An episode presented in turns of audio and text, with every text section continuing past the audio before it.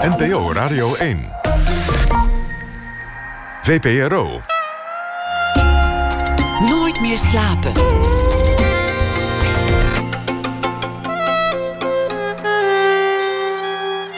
Met Floortje Smit. Welkom bij Nooit meer slapen.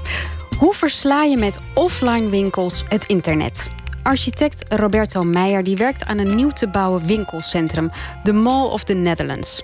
In Ongesigneerd, onze serie over onopvallend design, vertellen hij en onderzoeker Dion Kooijman hoe je de klant analoog kunt eh, verleiden. Meneer Samuel die leest een uh, verhaal voor bij het nieuws van de afgelopen dag. Maar de komen, het komend uur zit uh, eerst tegenover mij, dus ongeveer tot half twee, Lieke Marsman.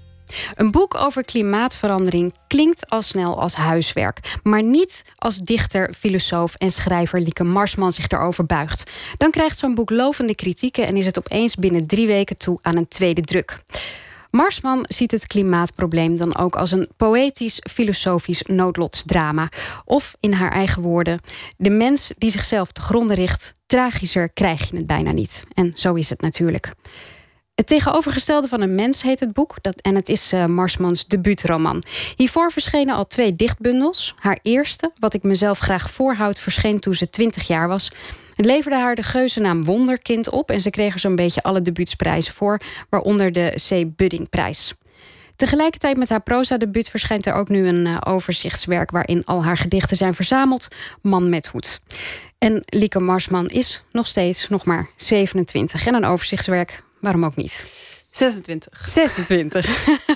je moet nog jarig worden. Ja. Um, Lieke, welkom. Was jij uh, vroeger zo'n uh, zo'n type kind die dan uh, ranger was van het Wereld Natuurfonds of geld ophaalde voor de zeehondjes? Um, ik was dat niet. Ik wilde dat wel heel graag, maar mijn zus was dat al. En mijn ouders vonden één ranger genoeg. Dus, dus mocht ik niet. Uh, maar ik ben wel, ik heb wel eens um, geld opgehaald voor de tijger, geloof ik. Je was dus niet zo'n kind dat naar het jeugdjournaal keek en dan wakker lag. Je ging wel echt iets doen. Um, ik heb vast ook wel eens wakker gelegen als ik naar het jeugdjournaal keek. Maar um, ja, ik vond ik, op de een of andere manier ik, vond ik geld ophalen voor de tijger wel ook wel leuk. Maar dat was denk ik omdat ik toen echt nog acht of negen was. Een paar jaar later moest ik kinderpostzegels verkopen en dat vond ik verschrikkelijk. Maar voor de tijger ging het wel. Maar is het dan voor, omdat het voor de tijger is? Of? Weet ik niet. Ik denk eigenlijk gewoon dat als je acht of negen bent, het nog niet zo eng is om uh, aan te bellen bij de buren. Ik denk dat dat ook een rol speelde. ja. Hoe was het bij jullie thuis? Waren jullie uh, maatschappelijk heel erg um, geëngageerd? Um, ik weet het niet heel precies. We hadden het er volgens mij niet heel vaak over. Maar mijn vader was wel uh, uh, lijstduwer voor de lokale Partij van de Arbeid. Dus die nam ons wel echt al van heel jongs af aan mee om, om ballonnen uit te delen en zo. Dus er zit wel, er is wel iets met de paplepel uh, er binnen gegoten. Ja, en discussies thuis? Ja, vast wel. Later, ja, zeker later. En ook tegenwoordig gaat het er wel eens hard aan toe. Want jouw vader is, is inmiddels gepensioneerd. Hij was leraar Nederlands. Ja. ja. Jouw moeder is psycholoog? Ja, mijn moeder was kinderpsycholoog. Die ja. is ook met pensioen. Dus veel gepraat thuis? Ja, ja. ja. En, en, vooral met mijn vader uh, heb ik wel uh, stevige politieke discussies. Ja. Jouw boek, um, Het tegenovergestelde van een mens. Mag ik dat een geëngageerd boek noemen? Uh, ja, graag. Dat, dat is wel wat ik, wat ik wilde. Waarom wilde je dat? Um, nou, allereerst, uh, ik heb hiervoor dus twee dichtbundels geschreven. En ik wilde mezelf uh, gewoon uitdagen en iets heel nieuws proberen. Dus wilde ik heel graag een, een uh, um, roman schrijven of, en, en daarin ook non-fictie verwerken. Dat was eigenlijk waar ik mee begon. gewoon dat ik mezelf in de vorm wilde uitdagen. Maar toen begon ik me een beetje te verdiepen in het klimaatprobleem. Gewoon omdat ik dacht, god, dat is volgens mij best wel belangrijk. En ik weet er heel weinig vanaf. Ik wil daar gewoon meer over weten. En toen kwam ik erachter dat het dus eigenlijk heel erg interessant is. En dacht ik van, oh, maar dan wil ik dat ook in mijn boek verwerken. Want ik vind het niet alleen heel interessant, ik vind het ook belangrijk. Maar doe je dat met meer onderwerpen of was het klimaatprobleem echt iets wat je heel erg aansprak? Of? Dat was wel uh, op dat moment, want ik vind het sowieso heel leuk om om non-fictie te lezen en dan te kijken of ik daar op een soort van andere manier dat in mijn werk kan uh, stoppen. Uh, en dan vooral in mijn poëzie. Uh, maar ja, ik denk omdat het dat klimaatprobleem niet alleen heel interessant was, maar dus ook heel urgent voelde, dat ik dacht: dit wil ik in mijn boek. Dit is ja. Misschien moeten we, we moeten even uitleggen wat voor soort boek het is. Want het is een hele, je zei het net al, het is een hele bijzondere vorm. Je hebt jezelf echt geprobeerd om uit te dagen, ook um, als schrijver. Ja. Het is een mengeling van. Het is gewoon een boek hè, met een begin en een ja, eind en een, een hoofdpersoon ja. en een verhaal. Ja. Um, maar er zitten ook uh, essays in, uh, er zitten filosofische bespiegelingen in. Uh, Naomi Klein komt heel vaak naar voren. Ja. Um, waarom wilde je deze vorm? Um, denk, nou, zeg maar, gedichten schrijven, dat is iets wat ik gewoon heel erg natuurlijk uh, komt. En wat ik sowieso uh, fantastisch vind om te doen. Dus het was duidelijk dat poëzie een rol zou spelen. Gewoon omdat ik dacht van ja, ik kan niet iets schrijven waar geen poëzie in zit. Dat zie ik niet zitten. Tegelijkertijd wilde ik ook proza, omdat je in proza gewoon veel meer kan zeggen. En zeker als het om politieke onderwerpen gaat, dan kun je er gewoon veel meer informatie in verwerken zonder dat het raar wordt. En ja, ik weet niet. Ik vond dat, dat gewoon heel spannend om te kijken van... goh, kan ik een uh, roman schrijven? Dus gewoon een verhaal van A tot Z. En dan tussendoor uitstapjes maken... zonder dat het uh, uh, voor de lezer vervelend is. Laten we een heel klein stukje voorlezen. Het is een, um, een, een fragment uit je boek het is een beetje aan het einde, waarbij eigenlijk al die, die mengvormen steeds meer samenkomen, ja. denk ik. Um, dit gaat over. Um, het is eigenlijk een bespiegeling. Het is, de hoofdpersoon is bij een soort symposium. Daar zijn verschillende sprekers aan het woord. En een van die sprekers is net geweest. En die heeft verteld eigenlijk dat klimaatactivisten zichzelf altijd een beetje in de voet schieten als ze uh, aandacht proberen te vragen voor het onderwerp. Want het probleem is, ze roepen altijd meteen dat het de apocalyps is. Ja, en dat het te laat is. En ja. dan zegt de hoofdpersoon. Ja, denk ik. Zo voel ik me wanneer het over de opwarming van de aarde gaat. Ik voel me schuldig, ik weet niet waar ik moet beginnen. Ik had al lang begonnen moeten zijn en mijn schuldgevoel verlamt me. Ik voel me als iemand die haar rekeningen maar niet meer openmaakt. Dag na dag laat het klimaat een ongeopende brief achter op mijn deurmat. Je bent te laat, zal er staan als ik de post toch open. Op mijn eettafel stapelen de brieven zich op. Binnenkort zal een dijkdoorbraak beslag op mijn inboedel leggen. Ja, ik vond het heel mooi. Ik vind het heel mooi verwoord um, hoeveel mensen zich, denk ik, voelen over dat hele klimaat. Ja, tenminste, ik denk, ik denk of ik vermoed dat in elk geval dat dat geldt voor de mensen die uh, uh, het klimaatprobleem niet ontkennen. Er zijn helaas ook nog mensen die dat doen. Maar als je een klein beetje ervan bewust bent, dan heb je het idee van: oh, er is iets aan de hand. En het is misschien nu nog niet heel dringend, maar we moeten met z'n allen iets doen. En wat kan ik dan doen? En dan. Uh, ik had een tijd lang in ieder geval dat ik me dan heel schuldig ging voelen. Dat ik dacht: oké, maar als ik dan bijvoorbeeld uh, geen vlees meer eet, dat is dan wel goed. Maar ja, ik ga wel gewoon met het vliegtuig op vakantie. Dus dan weet je wel, waar, waar trek je dan een grens? En je kunt eigenlijk nooit genoeg doen, of je kunt altijd meer doen. Um, dus ja, dan komt er een soort schuldgevoel uh, bij kijken. En dat kan je dan ook lam leggen. Dat je op een gegeven moment denkt, nou ja, weet je, ik vind het nu gewoon te vervelend. Nu laat maar of zo. Dan doe ik het helemaal niet meer. Ja, dan ga dan, ik ook precies. vliegen. En, uh... dan, of, of in elk geval, dan ga je ook die kleine stappen niet meer zetten. Um, dus daar ben ik de laatste tijd heel erg over aan het nadenken. Van, goh, is dat schuldgevoel? Waar komt dat vandaan? En is dat, is dat eigenlijk wel terecht?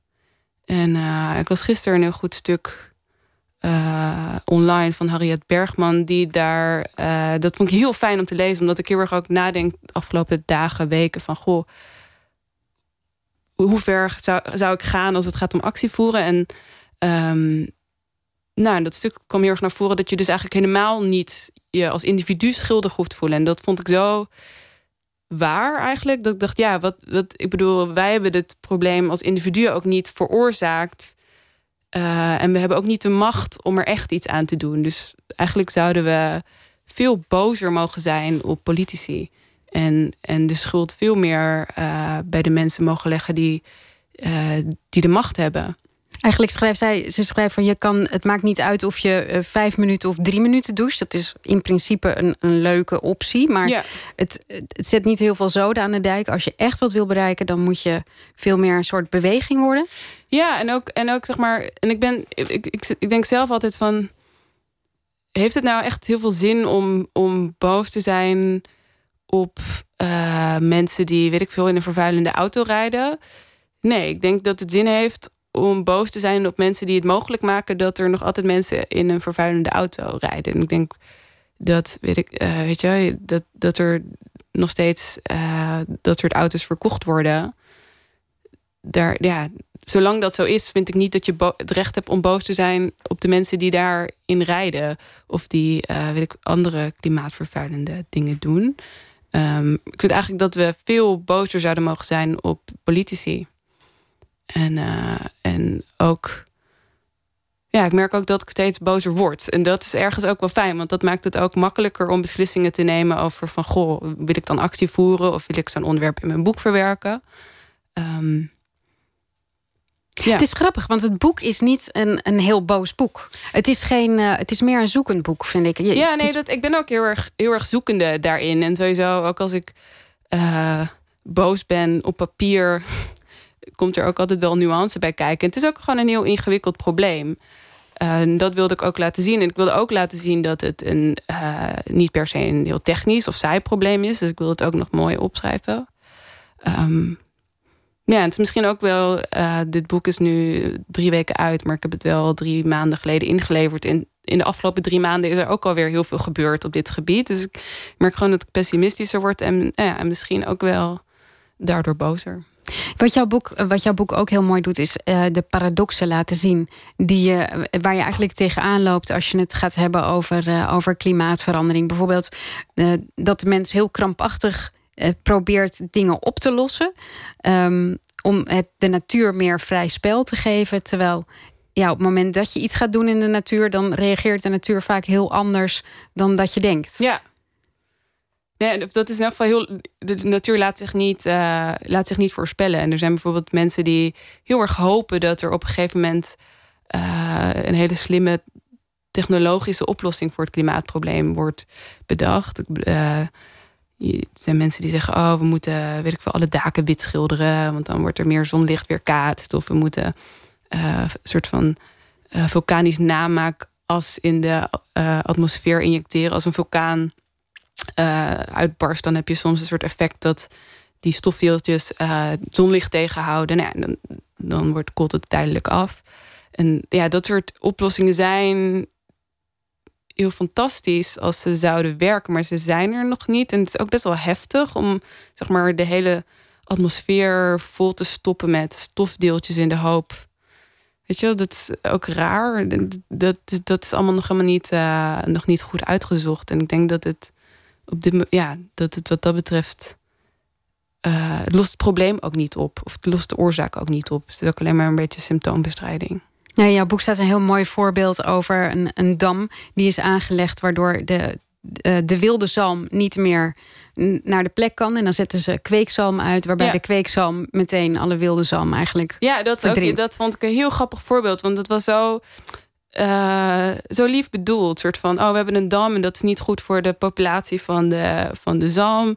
Oh, dat was allemaal niet de bedoeling. We wilden juist een soort van natuurvriendelijke energie opwekken. En dan, eh, dan gaan ze dus inderdaad kweekzalmen loslaten in dat water. Eh, met als gevolg dat die gewoon binnen drie jaar de natuurlijke zalm verdreven hebben. En dat die helemaal uitgestorven is. Het, het heeft een prachtig soort absurditeit die, ik, die jij volgens mij ook wel toch wel weer interessant vindt of grappig misschien. Ja, ja, ik vind het, het- of bijvoorbeeld ook als er zeg maar in, in mijn boek staat een eh stuwdra- stuwdam heel centraal. En ik weet niet waarom, maar op de een of andere manier heb ik echt zo van kind af aan stuwdammen, zeker van die hele grote die je in de bergen ziet, fascinerend gevonden. Gewoon dat ze er zo machtig uitzien. En, eh, en, en omdat het dus iets, iets heel raars heeft, dat je zo als mens ingrijpt in de natuur. Ehm, en mensen denken altijd dat eh, energie die door dammen wordt opgewekt, dat die per die definitie groen is of goed is voor het milieu, voor de natuur. En dat kwam ik achter terwijl ik eh, onderzoek deed voor dit boek, dat dat dus eigenlijk helemaal niet zo is, omdat het gewoon zo'n grote ingreep is voor de lokale nou ja, flora en fauna. Ik wilde eigenlijk um, de, even terug helemaal naar het uh, begin, toen je begon met schrijven. Toen was je um, 14. Je, je pakte een dichtbundel uit de kast. En dat was het. Dat was een soort liefde op het eerste gezicht. Ja, van elk geval, ik was al wel langer aan het schrijven, maar ik had eigenlijk. Ik wist niet dat poëzie bestond. En op het moment dat ik voor het eerst een dichtbundel zag, viel er een soort van kwartje dat ik dacht: oh, dit lijkt eigenlijk wel een beetje op wat ik probeer. Weliswaar is wat ik probeer veel slechter, maar dit is wel, wel een soort van wat ik eigenlijk wat ik zou willen. Uh, wat was dat dan? Wat ik wilde of welke dicht. Um, dat kan ik heel moeilijk uitleggen. Ik denk dat ik vooral gewoon mijn 14-jarige gevoelens op papier aan het zetten was op een manier die niet een verhaal was. En dat ik het wel ook heel leuk. Ik vond het heel leuk toen om met taal te spelen. Ik schreef toen heel erg van die nou ja, taalspelerige gedichten. Van oh, als je bij dit woord een letter eraf haalt, dan is het een ander woord. Dus heel erg zo. Um, ja, ik vond, dat, ik vond dat gewoon heel leuk. En welk gedicht was het? Weet je dat nog? Uh, wat ik voor het eerst las. Ja? Uh, die dichtbundel was van Judith Hertzberg. Dat was de bundel Beemdgas. Is toch niet hele vrolijke poëzie misschien voor? Nee, maar ik was ook niet een hele vrolijke tiener. Dus, dus op de een of andere manier beschreef het heel erg... Uh, ja, het was, heel, het was een gedicht wat best, misschien best dramatisch was. Het heette Geen Pijn. En dat ging dan over moe zijn op de wijze van ijzer. En dacht ik, ja, ik ben ook moe op de wijze van ijzer. En dat vond ik heel mooi verwoord. En dacht ik, oh ja, dat, dat wil ik ook. Dat soort dingen schrijven. Maar was je, eh, want waarom was je geen vrolijke puber? Was, is dat, was dat een soort fase? Of? Mm, ja, dat is wel iets wat een beetje eigen is aan pubers, denk ik. Dat, uh, denk dat ik, ja, dat ik gewoon heel. Uh, nou, in mijn boek zit ook een stuk gaat over tienerdepressies en dat mensen altijd zeggen oh, de tieners die zijn echt op geen enkele manier vooruit te krijgen en die willen helemaal niks. En ik denk dat ik juist het tegenovergestelde ervan was. Ik wilde echt alles en ik was geïnteresseerd in alles. Maar ik had het idee dat de wereld om me heen niet echt uh, iets ja, aan die verlangens kon voldoen. En, uh, en ja, ik weet niet, ik wilde, ik wilde alles weten over alles. En, en op de een of andere manier uh, lukte dat niet. Nee, ik, kan, ik ken Zaltbommel zelf niet, maar ik kan me voorstellen dat dat niet meehielp. Dat hielp niet mee, nee. Um, van de andere kant, ja, daardoor ging ik op internet. Ik was altijd op internet als, uh, als tiener. Ik was denk een van de eerste uh, generatie kinderen die echt volledig online is opgegroeid. Wat merkwaardig, ja, dat is inderdaad dan waar, ja. En wat maakt dat, wat gebeurt er dan als je alleen op internet bent? Nou, ik denk dat het dat was wel echt wel een beetje de begintijd van het internet. Was denk ik wel ook heel anders dan het nu is. En ik zat dan op allerlei internetforums waar dan mensen over de hele, van over de hele wereld uh, gingen praten over. Uh, nou, ik zat op het Alanis Morissette forum. Dus dan ging ik met mensen van over de hele wereld over Alanis Morissette praten. En dat vond ik dan heel cool. Want dan had ik gewoon, weet ik veel, in mijn lunchpauze zitten chatten met iemand uit Nieuw-Zeeland. En dan, dat, dat was dan wel, dat vergrootte mijn wereld wel heel erg. Dus ik heb echt, was heel blij dat ik uh, het internet had. De, Ida, de, de hoofdpersoon uit jouw boek, die uh, volgens mij ongeveer dezelfde leeftijd uh, omschrijf jij hoe zij, uh, hoe zij boeken verzamelt als, ja. als vrienden. Was, is, is dat ook ongeveer wat je deed? Of had je gewoon dat internet en hoefde je geen literatuur meer? Um, nou, ik ben wel dankzij het internet ook, want, ook wel meer over poëzie te weten gekomen. En ook vooral dan Engelstalige poëzie. En ik geloof niet dat ik heb nooit boeken verzameld. Niet zoals, dat, zoals de hoofdpersoon in mijn boek dat doet. Misschien dat ik dat tegenwoordig doe, maar niet toen. Nee. Wilde je toen al dichter worden? Um, ja, dat is wel echt iets, zeg maar, vanaf de allereerste keer dat ik een bewust een dichtbundel of gedicht las, wel iets wat ik heel graag wilde, ja. Hoe zag je dat dan voor je, bestaan als dichter? Ik weet niet of ik dacht aan een bestaan als dichter. Ik dacht gewoon meer van, nou, ik wil ooit een keer een dichtbundel uitbrengen. En verder ging de ambitie niet. Nee, nee. Nee, dus ik schrok ook wel een beetje toen dat op mijn twintigste al lukte. Dat was wel een soort van, huh, ik wilde dit ooit. ja, precies. Niet per se nu al. Want Dat- wat moet je dan verder nog? Ja, dat, het was wel echt, een soort- een, echt een soort ultiem doel. En, eh, want je, je hebt je op je achttiende heb je een soort vlaag van overmoed. Had je, heb je gedichten ingestuurd? Ja, naar een literair tijdschrift, ja. Toen stonden de uitgevers op de stoep. Ja, of in elk geval één uitgever, ja. Ja, één is genoeg. Ja, zeker, ja.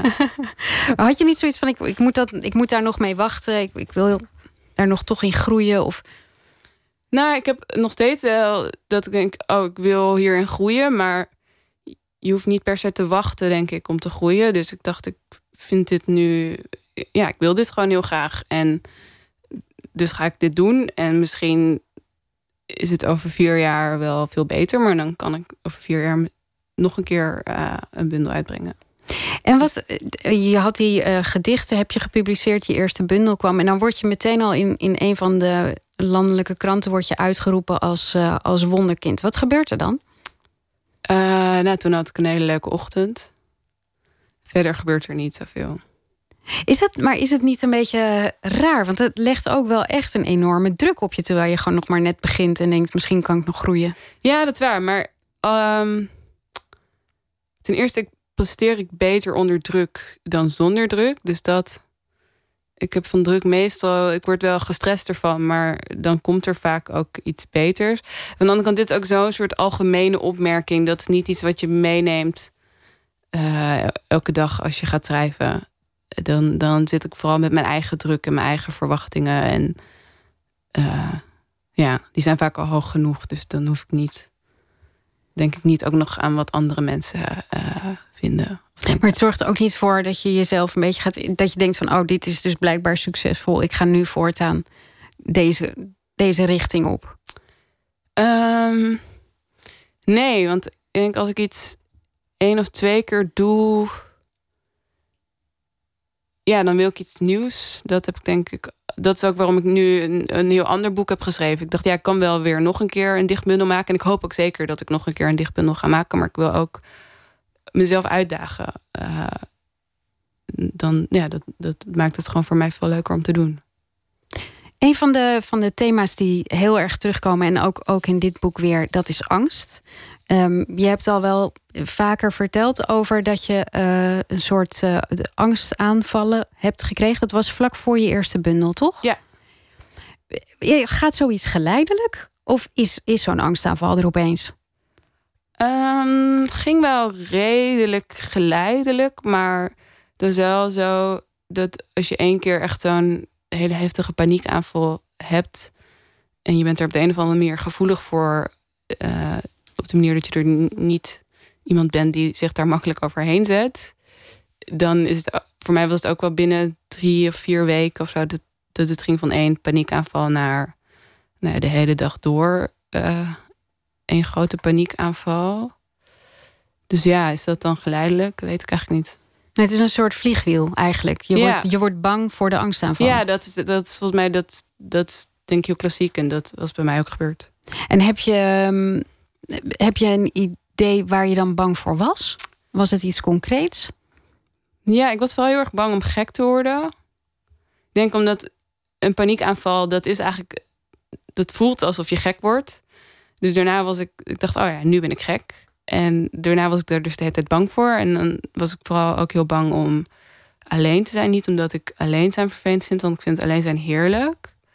Maar eigenlijk omdat ik dacht, als ik dan alleen ben, dan word ik gek. Misschien. En als ik dan gek ben en er is niemand bij, dan spring ik misschien wel uit het raam, zoiets. Dat was een beetje de gedachtegang, geloof ik.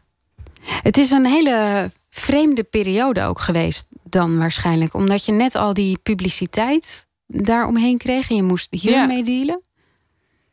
Ja, achteraf, ik denk dat dat. eh, ik kan me er niet zoveel van herinneren eigenlijk. In elk geval niet van het feit dat mijn bundel toen uitkwam. En dat. Ja, misschien was dat ook wel prettig, want ik had daar in elk geval helemaal geen spanning over toen, want ik had al genoeg, genoeg spanning. Dus ik heb dat eigenlijk niet heel erg bewust eh, meegemaakt.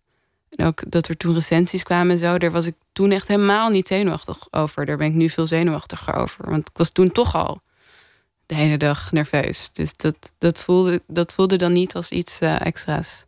En wat was dan het moment dat je dacht... Ik, hier moet ik nu toch wel iets, iets mee gaan doen? Nou, ik weet nog één keertje toen... Uh, was ik ook uit pure wanhoop naar mijn ouders gegaan. En toen mijn vader reed me van het station uh, naar hun huis. En toen zei ik zo op de hoek van de straat... Oh, deze laatste 100 meter die loop ik wel. in mijn eentje. En dat voelde echt als een soort overwinning dat ik dat aandurfde. En toen ging hij me heel hard uitlachen. en dat vond ik. Uh, dat is op een of andere manier dat me altijd bijgebleven. Want dat is natuurlijk de enige goede reactie op het moment dat iemand zegt: Ik ga nu 100 meter in mijn eentje lopen. Dat, uh, ik denk dat ik dat vandaag wel aandurf. In ieder geval, voor mij was dat eh, een goede reactie, omdat het inderdaad uh, nergens op sloeg. En uh, het ook heel fijn was om daar om te lachen. Maar op de een of andere manier realiseerde ik me toen wel van... ja, dat is ook heel raar. Ik, wat, waar, waar gaat dit over? Een jaar geleden ging ik in mijn eentje op reis. Uh, twee weken lang. En nu durf ik niet meer 100 meter naar huis te lopen. Dus toen dacht ik wel, hm, misschien moet ik toch eens een keer uh, iemand gaan bellen. Een soort eye-opener ja. was het. En hoe kom je er dan weer uit? Ja, nou dan heb je therapie en zo. En, uh, en antidepressiva hebben me heel erg geholpen. Dat uh, het was, het is altijd een soort van controverse, of zeg, altijd een soort discussie over helpt dat nou wel of niet. En mijn ervaring was dat het heel erg hielp en dat het ook heel erg verschrikkelijk is om eraan te beginnen. Dus je hoort ook met van die horrorverhalen van oh iemand, iemand begon met, met paroxetine is geloof ik zo'n zo'n middel wat je heel vaak terug hoort in het nieuws. En dat mensen dan echt totaal uh, door het lint gaan. En dat heb ik ook meegemaakt. Dus dat, dat vind ik ook altijd wel. Dat is ook altijd wel iets waar ik mensen voor wil waarschuwen of zo. Dat ik denk. Oh ja, het kan heel erg helpen, maar dat. Ik heb wel eens daar verhalen over gelezen van wat mensen dan denk, Ja, dit is precies wat ik heb ervaren. En ik weet ook echt 100% zeker dat dat door door dat uh, middel kwam. Het werd eigenlijk eerst erger en veel en erger. Ze zeiden wel van, oh, het kan iets erger worden, maar het werd echt echt honderd keer erger. Dat was heel uh, heftig. Maar goed, daarna ging het werken en toen uh, kon ik alles weer. Je zei net, ik wil mensen hier wel voor waarschuwen. Is dat ook de reden dat je het uiteindelijk in je, zoveel in je werk bent gaan gebruiken? Um, nou, over antidepressiva heb ik het eigenlijk helemaal niet in mijn werk. Maar dat is omdat het nu zo ter sprake komt dat, het, dat ik denk, oh ja, dat ik weet niet, dat wil ik op de een manier heb ik altijd in mijn achterhoofd gehad. Als het daar een keer over gaat, wil ik dat zeggen. Um, en die angst dat dat terugkomt in mijn werk is denk ik omdat ik, ben er al heel lang van af, maar het heeft wel heel lang geduurd voordat het echt uh, uit mijn dagelijks leven verdween. En um, ja, dat is toch wel heel vormend geweest, denk ik. Ik denk dat het daarom zoveel in mijn werk zit, dat het zo simpel is. Vormend op welk gebied? Nou, voor mij was het uh, eigenlijk gek genoeg. Um, die periode was de periode waarin ik mezelf opeens veel, een veel leuker persoon ging vinden. Daarvoor vond ik mezelf best wel stom. En toen ik die angstaanvallen kreeg, vond ik dat zo heftig. Dat ik dat eigenlijk best wel zielig vond voor mezelf. En dacht, goh, dit heb ik nou ook weer niet verdiend misschien moet ik eens wat liever gaan zijn voor mezelf. Wat liever voor jezelf. Ik praat uh, strakjes nationaal verder met yes. Lieke Marsman.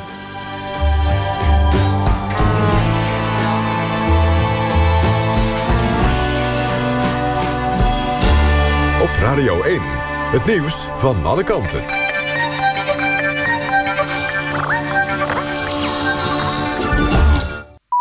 Het is 1 uur, Waterbalgemoed met het NWS Journaal. De estafetteloop Ropa Run heeft dit jaar bijna 5,5 miljoen euro opgeleverd... voor de zorg aan kankerpatiënten. Dat is net iets meer dan vorig jaar. De Ropa Run is een 500 kilometer lange estafetteloop... vanuit Hamburg en Parijs naar Rotterdam. De eerste editie was in 1992. De organisatie noemt het resultaat van dit jaar spectaculair... en zegt dat er sinds de eerste Europa-run... in totaal al meer dan 73 miljoen euro is ingezameld... voor zorg aan mensen met kanker. Het Nederlandse ministerie van Buitenlandse Zaken en de Colombiaanse autoriteiten kunnen nog niet bevestigen dat Dirk Bolt en Eugenio Vollender zijn vrijgelaten.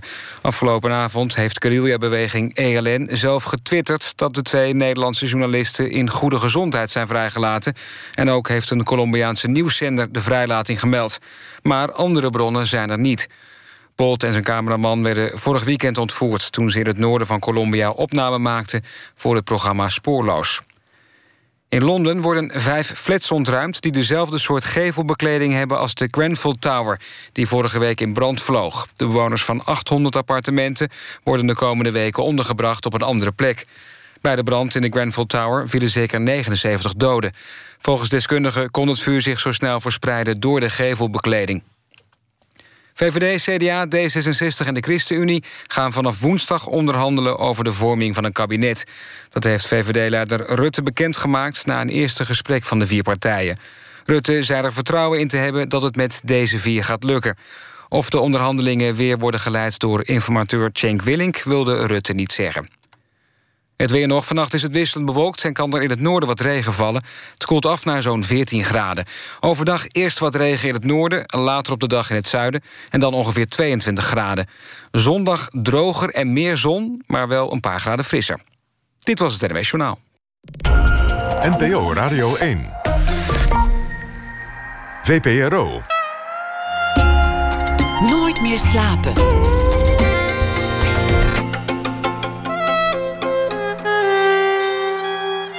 Met Floortje Smit. Welkom terug bij Nooit meer slapen. En tegenover mij zit nog steeds Lieke Marsman. Vooral bekend als dichter en nu ook gedebuteerd als romanschrijver met haar boek Het tegenovergestelde van een mens.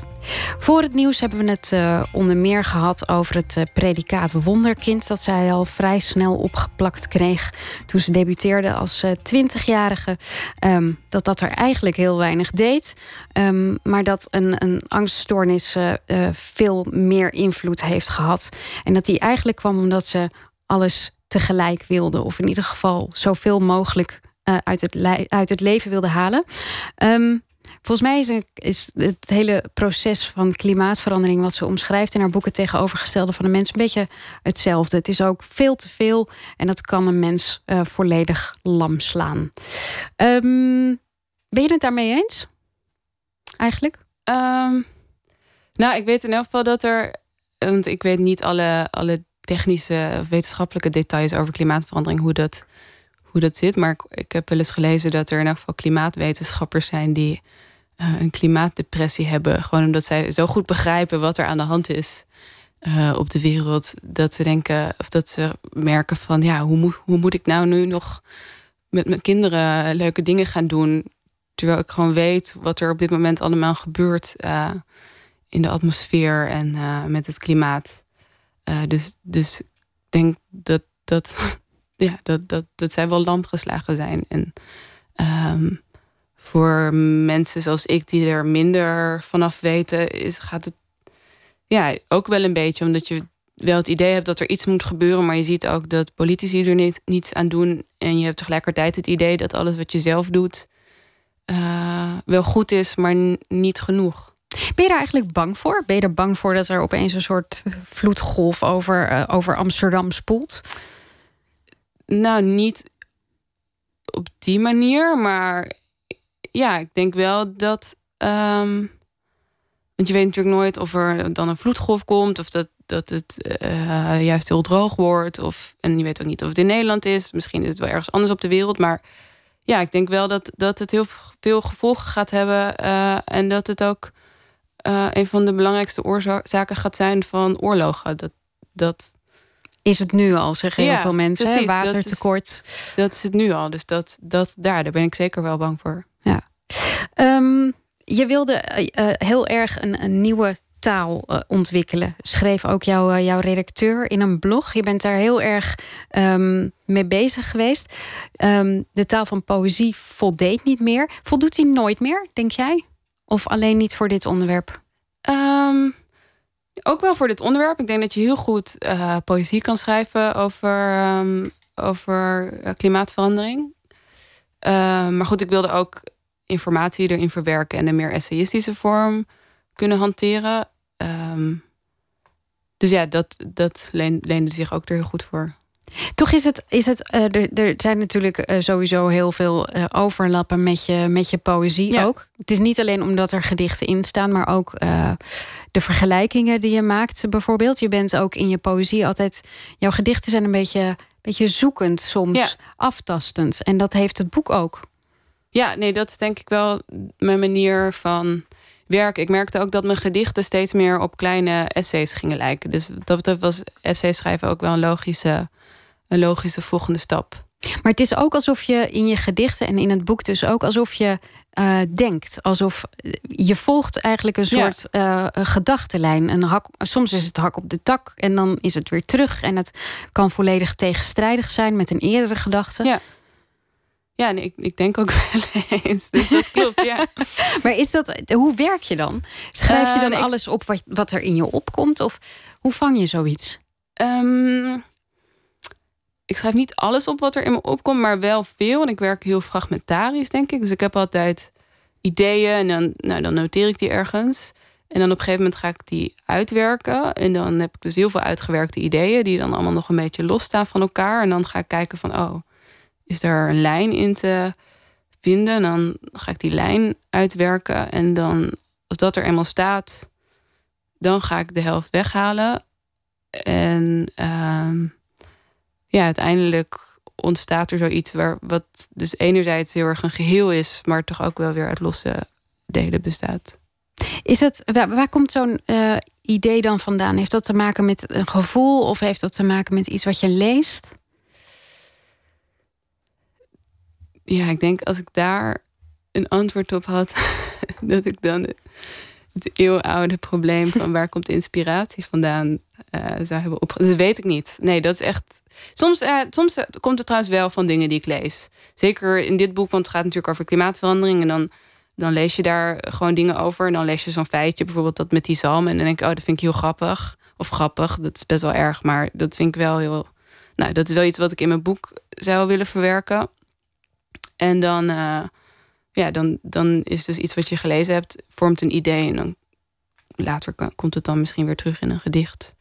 Ja, je houdt ook al heel erg lang een, uh, een dagboek bij, hè? waarin je heel veel, waar je ook nog heel veel uithaalt, waar je heel veel uitput. Ja, en ik doe dat nu eigenlijk al een tijdje niet meer, maar misschien ook wel, want ik heb nu weer uh, gewoon op mijn computer allerlei bestandjes waar ik ideeën in, uh, in opschrijf.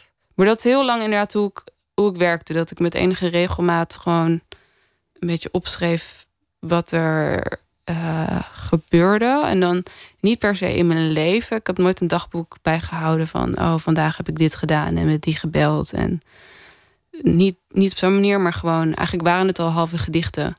Dus daardoor kon ik er dan... Uh, ik ging gewoon altijd heel cryptisch opschrijven... dat ik verliefd was op iemand of zo. En dan, want ik durfde dat dan nooit aan mezelf toe te geven. Dus dan schreef ik dat heel cryptisch op... en dan kon ik er later weer een gedicht van maken. Maar ja... Het dagboek staat online, toch? Ja, maar dat kan niemand lezen. Nee, dat begrijp ik. Maar ben je dan niet verschrikkelijk bang, toch ook voor hackers of, nou ja, kwaadwillende? Nou, nee, of... nee, eigenlijk niet. Bovendien, zoals ik al zei, het is allemaal heel cryptisch. Dus daar kan. Uh, Niemand kan er wat mee. Alleen jij zelf. Ja. ja. Um, um, is, was het nou echt een heel ander werkproces voor zo'n zo'n roman als bij een gedicht? Is een gedicht makkelijker, lekker meer ja, afgebakend? De, de, de spanningsboog uh, ook qua werk is bij een gedicht heel uh, veel korter natuurlijk. En um, ja, ik heb wel het idee dat, het, dat ik het uiteindelijk dit boek heb opgebouwd alsof het een heel lang gedicht is. Dus zeker toen ik eenmaal, uh, nou, toen eenmaal alles in de stijger stond, ben ik het wel heel erg gaan, gaan benaderen alsof het een gedicht was, soort van qua ritme. En moest, ja, ik heb heel erg geprobeerd om ritme in het boek te stoppen. Um, dus dat wel, komt wel overeen. Maar ja, ik heb wel eens korte verhalen geschreven, maar verder nooit echt heel lang proza. Dus dat was heel erg zoeken. En um, ja, bij gedichten hoef ik niet meer zo te zoeken. Hier moest ik wel echt. Ja, ik heb wel eerst echt uh, nee, drie, drie halve boeken weggegooid voordat ik eindelijk maar vond wat ik zocht. En wat was het lastige dan? Was dat, is dat dan gewoon echt uh, gewoon ordinair een plot? Ja, ordinair een plot. En ook hoe, schrijf je het op dat het uh, wel bedacht is, maar niet heel bedacht klinkt. En ik denk het lastige, wat, wat ik lastig vind aan het schrijven van proza, is dat bij gedichten heeft echt elk woord een functie in, in het geheel. En heeft elk woord, ja, staat het er ofwel omdat het op dat moment de goede klank oproept. Of omdat het gewoon goed, het goede betekent. En bij proza is dat natuurlijk veel minder zo. Gaat het meer om zinnen of zelfs nog alinea's. En ik zat toch de hele tijd dat ik dacht, ja, maar elk woord moet toch goed zijn. En elk woord moet echt uh, precies oproepen wat ik wil. En uh, daar, daar krijg je denk ik heel vervelend proza van. Dus daar heb ik ook wel lang mee geworsteld. Je blijft heel erg pielen op dat ene woord, op die klank. Ja, dat heb ik heel lang gedaan. En uh, ja, ik vond het ook wel lastig om, om dus een spanningsboog uh, goed te krijgen. Dus daar heb ik ook heel lang uh, mee geworsteld. Uh, maar uiteindelijk, ja, had ik, uiteindelijk ben ik dus als een groot gedicht gaan benaderen. En dat werkte heel goed. Ik las dat je geen gedichten meer schrijft nu. Klopt dat? Um, nee, dat klinkt alsof het een soort principiële keuze is. Dat ja, ik schrijf, ik schrijf. Ik denk dat ik nu eigenlijk alle ideeën waar ik vroeger dan gedichten van zou maken, meer in dus dat essayachtige dingen stop. Um, dat dat nu een vorm is die ik heel, waar ik het meeste plezier aan beleef. En vroeger was het gewoon, oh, ik heb een idee en dan schrijf ik er gedichten over. Nu is het meer, ik heb een idee, ik ga er een soort essay uh, van maken. En het komt ook wel heel erg in golven. Dat je, uh, ik lees op het moment bijvoorbeeld ook heel weinig poëzie. En ik weet gewoon uit het verleden dat, dat het waarschijnlijk over een paar maanden of over een half jaar. dat ik dan opeens weer een periode heb waarin ik eigenlijk alleen maar poëzie lees. Dus dat komt heel erg in golven. Ja. We gaan heel even naar uh, muziek. Johnny Swim die bestaat uh, uit Amanda Sudano en Ebner Ramirez. En zij komen uit Los Angeles. Zij is de dochter van disco-koningin Donna Summer. En ze zijn al sinds 2009 getrouwd. Maar ze zijn dus ook muzikaal tot elkaar veroordeeld. Hier hoort u ze samen in het nummer First Try.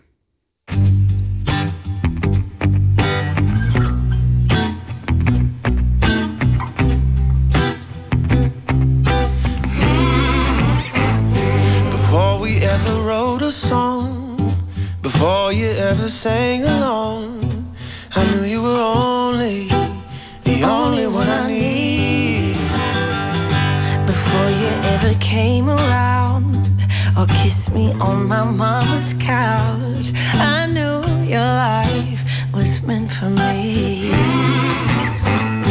Before we sway, before that dance, girl, I knew you would be my one and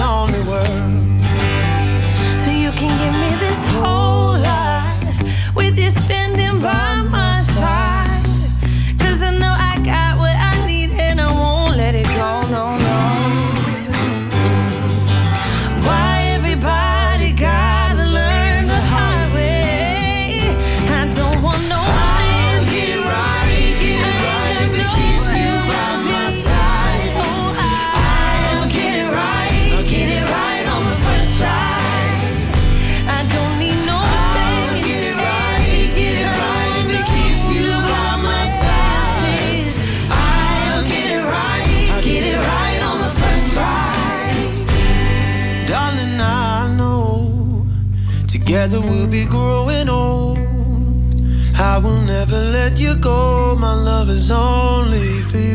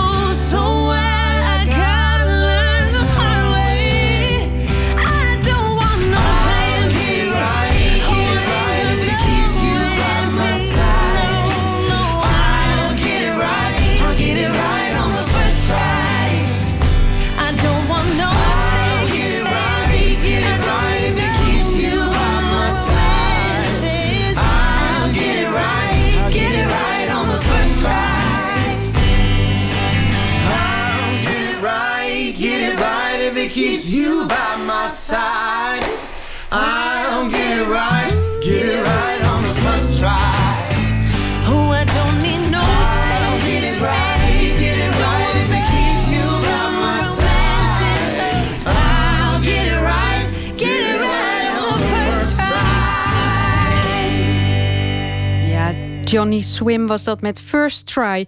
Als u het duo eh, live wil zien, dan kan dat. Ze komen naar Amsterdam. Op 19 september eh, treden ze op in Paradiso. En uh, tot de klok van half twee praat ik met Lieke Marsman. Haar proza-debuut, getiteld Het tegenovergestelde van een mens, verschenen. Dat is eigenlijk de aanleiding. Um, het viel me op, of tenminste in alle besprekingen... gaat het vooral over, over de klimaatverandering in het boek. Maar volgens mij gaat het boek ook eigenlijk heel erg over liefde. Ja, nee, zeker. Het gaat, het, eigenlijk bestaat het boek uit twee delen. En in het eerste deel uh, gaat het vooral over Ida, de hoofdpersoon, en uh, haar relatie met haar vriendin.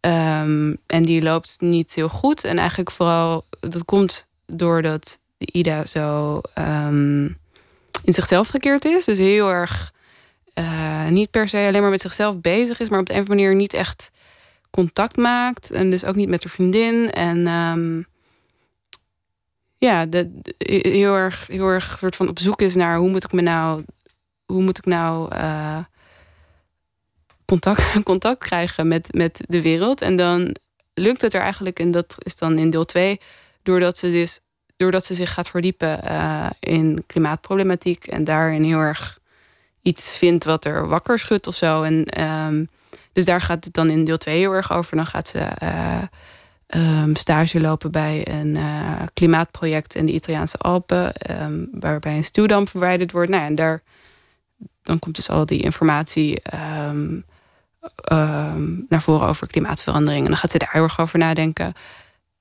Ja, ze leert, ze leert zich eigenlijk heel erg engageren. Dat ja. is het, het, grappige daarvan vind ik, ik dacht om, omdat alle aandacht daarop gericht is, het is blijkbaar ook een teken dat mensen heel erg zitten te wachten op bijvoorbeeld echt literatuur over klimaatverandering en een meer filosofische aanpak misschien. Ja, nee, dat geloof ik. Dus ik, ik weet dat ik daar zelf heel erg op zat te wachten en daarom dacht ik van, nou, dan ga ik het maar schrijven. Um, dus ja, dat, ik hoop dat althans dat mensen erop zitten te wachten. Dat hoop ik heel erg, ja. Het mooie vond ik een omschrijving van, uh, van uh, je redacteur in een uh, blog. Die zei: Waar het eigenlijk over gaat, is wie ons zal missen als de poolkappen gesmolten zijn. Ja. En dat heeft een soort persoonlijke laag en ook een soort wereldlaag. Ja. Ja, dat is ook voor mij het verband tussen deel 1 en deel 2 van het boek. Is dat, dat in deel 1 Ida zich als individu heel erg, eigenlijk heel erg eenzaam voelt. Gewoon in haar alledaagse leven. En dan in deel 2 gaat het eigenlijk meer over het feit dat de mensheid als geheel ook eenzaam is. En dat je uh, dat dat misschien ook wel een oorzaak is waarom we nou ja, zo, zo moeiteloos uh, alles om ons heen vernietigen.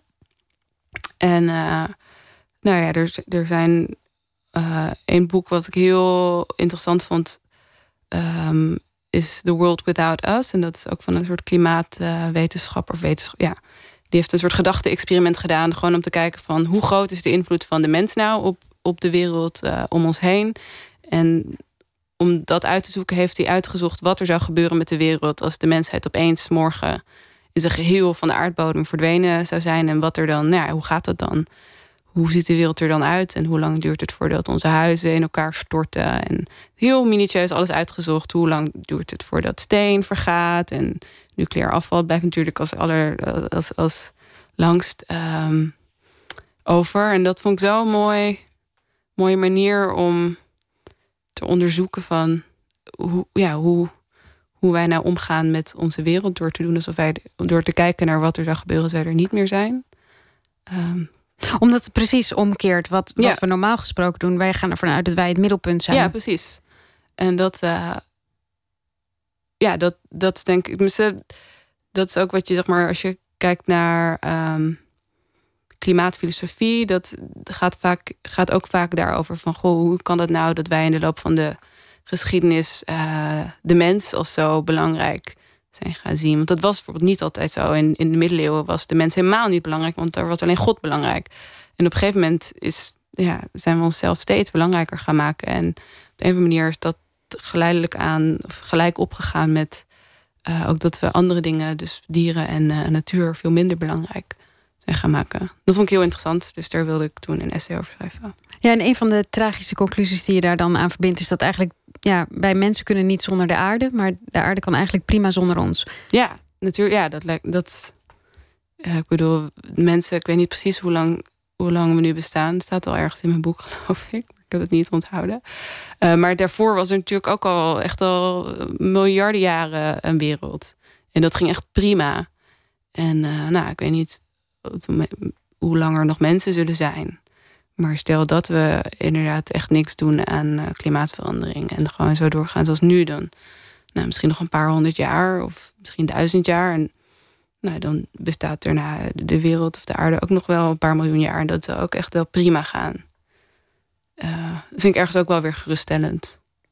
Ik wil je niet in een, in een hokje plaatsen natuurlijk. Maar ik zie wel dat, een, een, uh, dat er meer schrijvers uit jouw generatie zijn... die zich meer gaan, gaan echt actief gaan engageren in hun, uh, in hun ja. werk. Waarom denk je dat dat is? Um, Als je jezelf wel in een hokje wil plaatsen. Ja, nee, ik vind het, vind ik helemaal niet erg. Uh, ik wil best een geëngageerd schrijver zijn. Ik, het, waarom dat is? Ik denk omdat het wel ook gewoon echt... Ik bedoel, wanneer zie je dat engagement toeneemt? Op de momenten dat het echt nodig is. En voor mijn gevoel is het echt nodig nu. En uh, we hebben politici die... Nou, in Amerika zit de allergrootste klimaatverandering ontkenner ter wereld is aan de macht. In Nederland, uh, de, Mark Rutte zegt van... ja, klimaat is wel belangrijk, maar het moet wel leuk blijven. Ik bedoel, dat, je, dat, dat soort... Uh, ja, dan, dan, dan denk ik dan, oké, dat, dat vind ik zo erg. Dan kan ik me bijna niet, uh, niet, niet geëngageerd schrijven. Um, maar wat was voor jou de omslag? Want je, je maakte gedichten die, die veel meer eh, naar binnen gekeerd waren. Ja. Die veel, waar veel meer, waarbij je veel meer naar jezelf keek. En nu kijk je veel meer naar de wereld.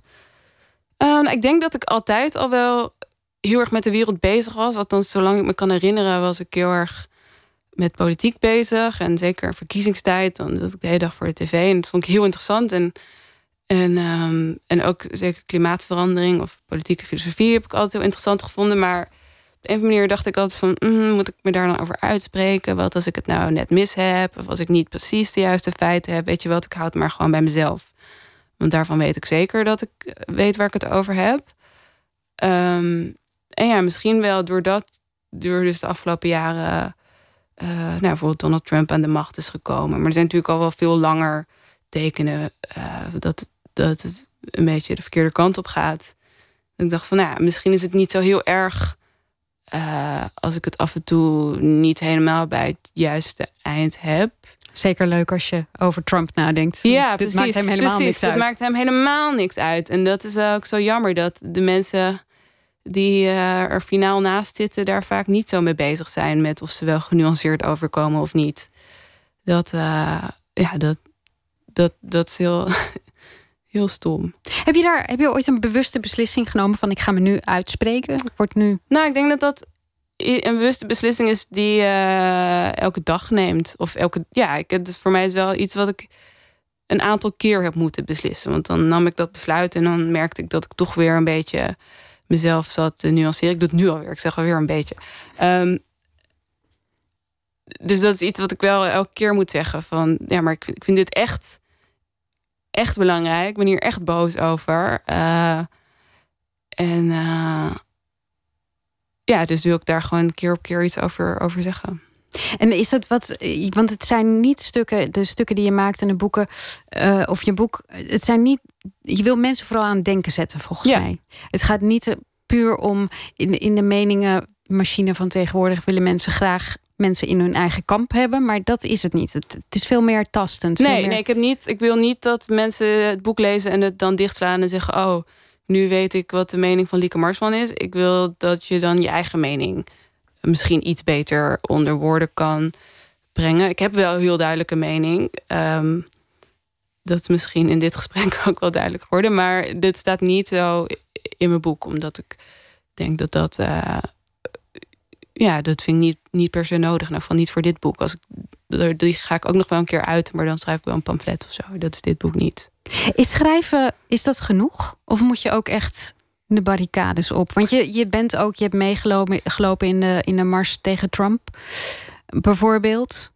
Ja, is iets waar ik de laatste weken heel erg over nadenk. En ik ben zelf altijd een beetje terughoudend als het om dat soort dingen gaat. Gewoon dat ik nou ja, demonstreren best wel heftig vind. En wat moet je dan roepen? En, Ja, maar, roepen. eh, Ja, dat is. En, eh, maar ik merk eigenlijk de laatste tijd dat ik wel daar steeds meer denk, ja, dat is eigenlijk dat is misschien niet genoeg. En we mogen eh, politici ook wel echt verantwoordelijker houden en ehm, nou, moeten ons wel van ons laten horen. Ehm, en ik ben ook eigenlijk wel klaar met dat ik me schuldig voel als ik eh, boodschappen met plastic eromheen koop. Want het is gewoon belachelijk dat dat te koop is. Dus, en daar kan, ik, daar kan ik niks aan doen. Eh, Dus ja, de laatste tijd merk ik dat ik ehm, het makkelijker vind. En dat ik ook vaker naar protestacties ga en zo. Ja. Morgen is eh, code rood, zag ik. Een, een burgerlijke ongehoorzaamheidsactie. Eh, je refereerde net aan een artikel wat daarover ging. Ga je daarheen? Ja, ik ga erheen. En ik ben er nog niet over uit of ik ook burgerlijke ongehoorzaamheid.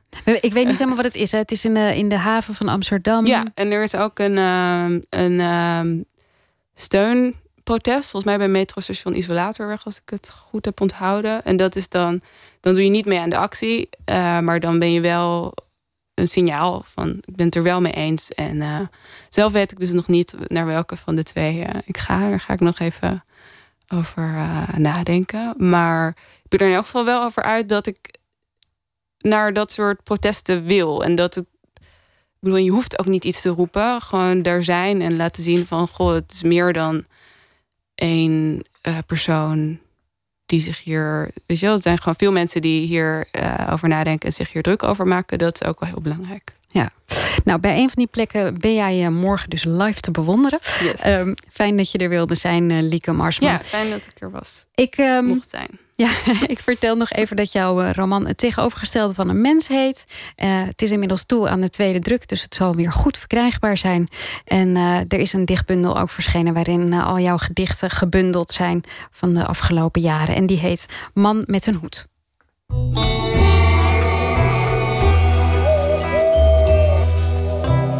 Ray Black is een 23-jarige RB-zangeres uit Londen. Ze won eerder dit jaar al eh, als ongetekende artiest de BBC Sound of 2017. En daarin eh, was ze de eerste. Nu is er een nieuwe single, Doing Me.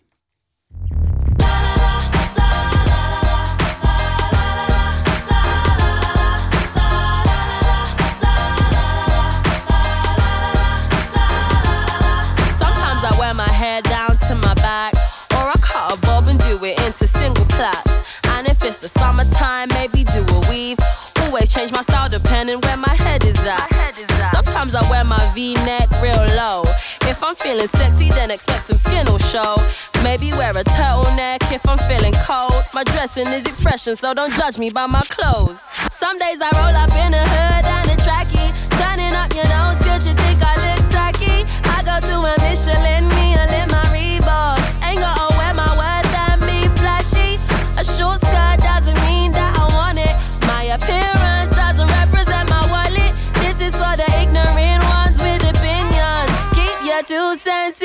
your pocket. I'm just doing me.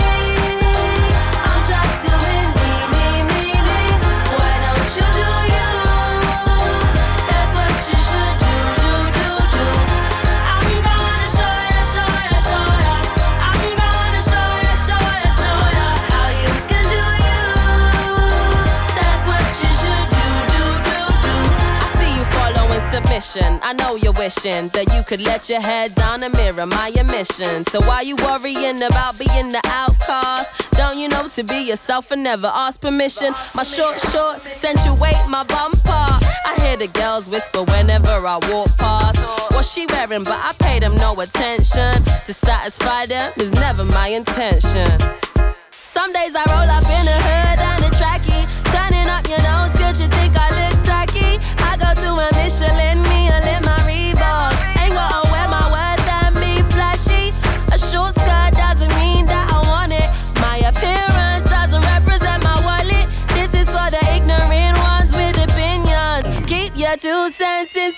up again.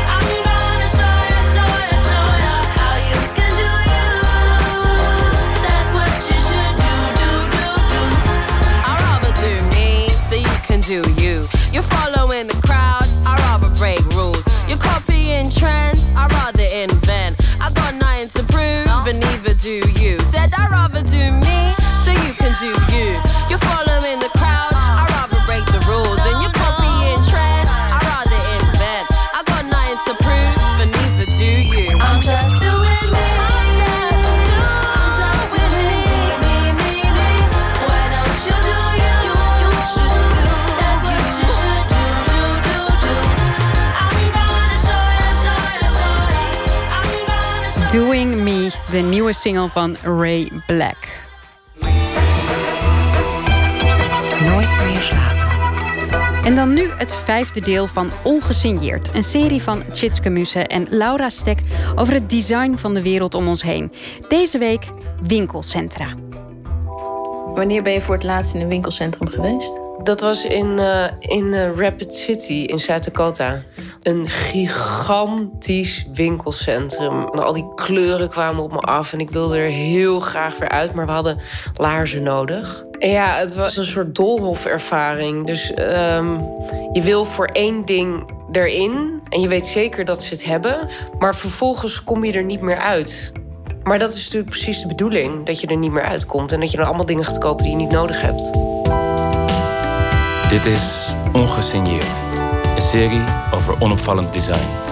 Gemaakt door Tjitske Musche en Laura Stekker. Het winkelcentrum. Heb jij nog iets anders gekocht dan die laarzen? Nee, we hebben de laarzen ook niet gevonden. dus het was geen goed winkelcentrum. Winkelcentra kennen we hier in Nederland. De laatste jaren vooral van de troosteloze beelden op het journaal als het over de crisis ging. Hier zit een bekende Nederlandse winkelketen in grote problemen. De schoenenreus staat op de rand van het faillissement. Het jaar had niet slechter kunnen eindigen voor de 10.000 werknemers van de V&D. Een grote reorganisatie bij winkelconcern Blokker. Honderden winkels sluiten. Dat we steeds meer online kopen, doet het winkelcentrum ook al geen goed. Faillissementen, leegstand, verval. Zoals hier in het winkelcentrum Leidse Hagen in Leidschendam. Ja, ik merk het wel. Vroeger waren er heel veel uh, klanten, eerlijk gezegd. Maar nu is het wat minder dan eerst. Ja, je mist een hoop winkels die inmiddels ook weg zijn. Hè? Bekende zaken, die zijn er niet meer. Ja, en zeker Vroom. Die mis je natuurlijk uh, nog. Ja, en dat blijft gewoon zo. Want die komt nooit meer terug. Maar ook al komt Vroom nooit meer terug... er gloort wel hoop aan de horizon. Dat vinden tenminste de makers van wat hier binnenkort voor in de plaats komt. Een van de grootste winkelcentra van Europa. Maar hoe zorgen zij ervoor dat het over vijf jaar niet ook leeg staat? Hier is bijvoorbeeld heel erg veel aandacht besteed... Uh, waar positioneer je je wc's en hoe zien die eruit? Er wordt echt heel veel in geïnvesteerd. Straks hoor je van architect Roberto Meijer... wat hij allemaal uit de kast haalt om de consument anno 2017 te verleiden.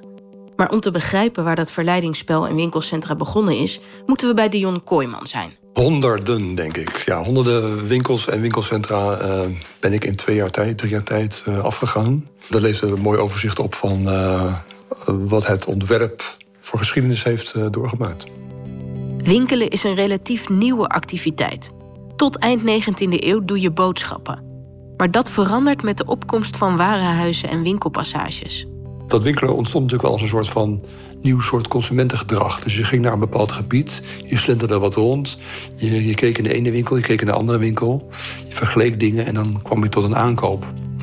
Dat was toch iets anders als boodschappen doen. En dat was toch iets anders als kopen. Kopen is echt uh, bij de kassa je geld uh, uh, ruilen voor het product wat je krijgt.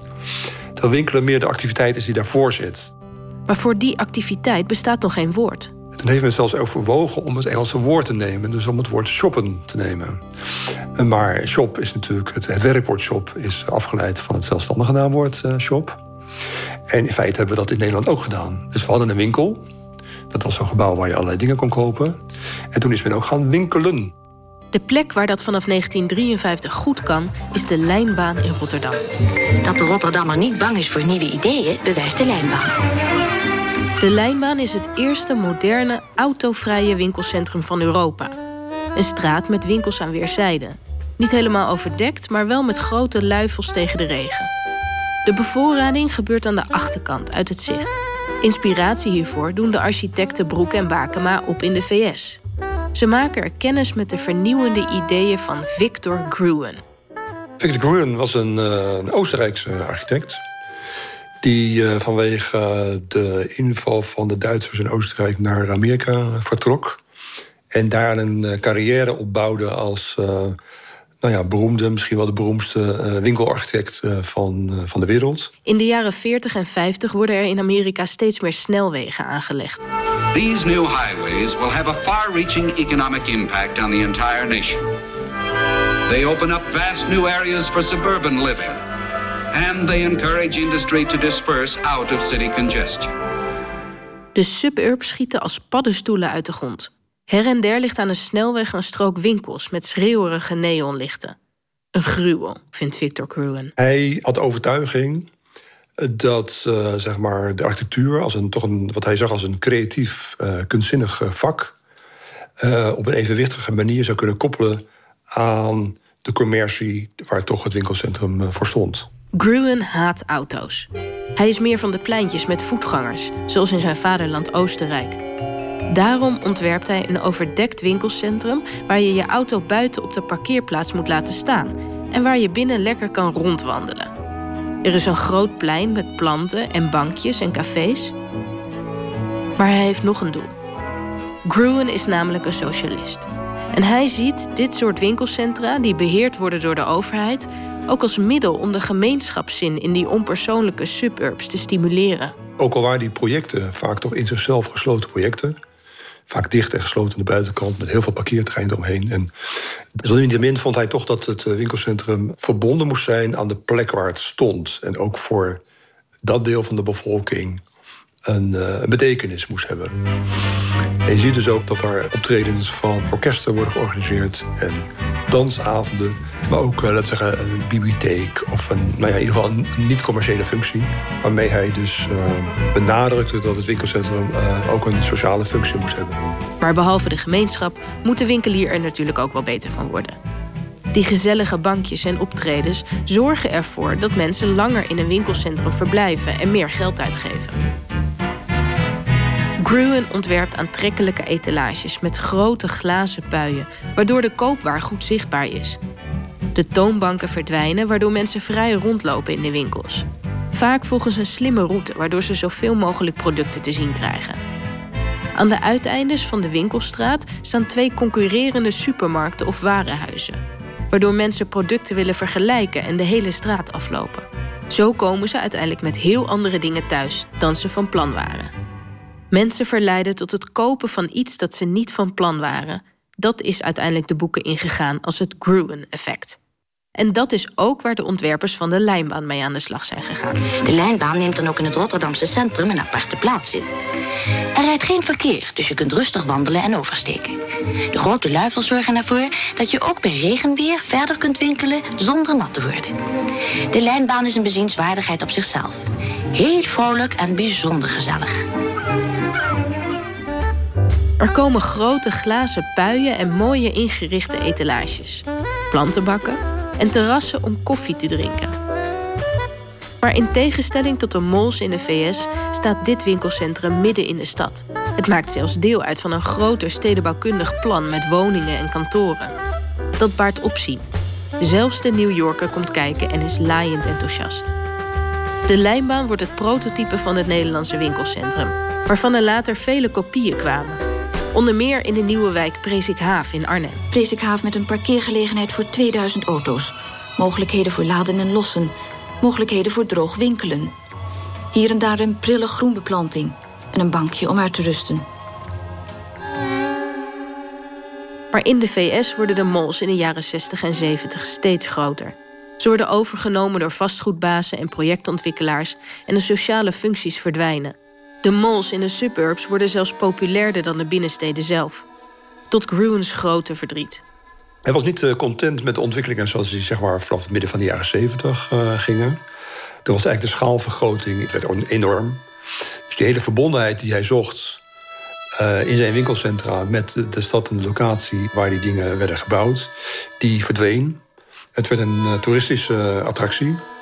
Uh, waarvan de schaal eigenlijk uh, uh, ja, nou ja, enorm werd. Gruen wil aan het eind van zijn leven niets meer te maken hebben met shoppingmalls. Hij keert terug naar Wenen en sterft daar. En de lijnbaan? Die is de grandeur van de jaren 50 wel verloren.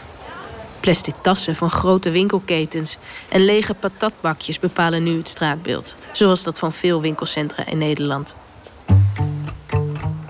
Daarom pakt architect Roberto Meijer van MVSA Architects het anders aan. Kijk, tegenwoordig kunnen wij op de bank gaan zitten thuis. En we kunnen alles bestellen via internet. Het winkelen wordt een heel ander, uh, ander iets. doel is uh, dat mensen hier naartoe gaan omdat ze hun vrije tijd daar willen besteden. En dat er meer activiteiten zijn dan alleen maar winkelen. Voor de plek waar nu het winkelcentrum Leidse Hagen staat, ontwerpt hij wat een van de grootste winkelcentra van Europa moet worden: de Mall of the Netherlands. 200.000 vierkante meter moet het worden. Met restaurants, 10 bioscoopzalen en verschillende themagebieden. Uiteindelijk creëer je een hele binnenwereld. Harvard City zit daar, dus die heeft weer een heel ander karakter. Dus op die manier hebben we ook plekken waar je even rustig kunt gaan zitten. Of uh, er is een kiosk of niet. Of, uh, dat zijn allemaal aspecten die uh, bijdragen. Dus, dus dat is Harbor City? En wat heb nee, je dan? Nee, dat, is, dat is de Vibrant City. Dus die, het karakter verandert ook elke keer. Het licht verandert ook. De beweging verandert. Een winkelcentrum wordt niet alleen door een architect ontworpen. De eigenaar is daar ook nauw bij betrokken. In dit geval is dat vastgoedbedrijf Unibail-Rodamco. Teun Koek is projectleider van de Mall of the Netherlands. Als Unibail-Rodamco zijn wij eigenaar van 56 grote winkelcentra in 12 landen in Europa. En Leidschendam is wel de bedoeling dat dat echt het vlaggenschip van Unibail-Rodamco Nederland gaat worden. Dit bedrijf zet alles in om de consumenten naar hun winkelcentrum te lokken. Er moeten ook tal van evenementen zijn om extra mensen naar het winkelcentrum te trekken. Maar ook om die consument weer te verrassen. Dus je zult bij ons grotere evenementen zien in het winkelcentrum. In vergelijking met hoe dat gebruikelijk is in Nederland. Dus geen uh, Pipo de Clown die op zaterdag komt. Maar echt grote professionele evenementen. Maar waar moet ik dan aan denken? Nou, dan bijvoorbeeld de Cirque du Soleil. Dat niveau moeten we, moeten we dan aan denken. Lights,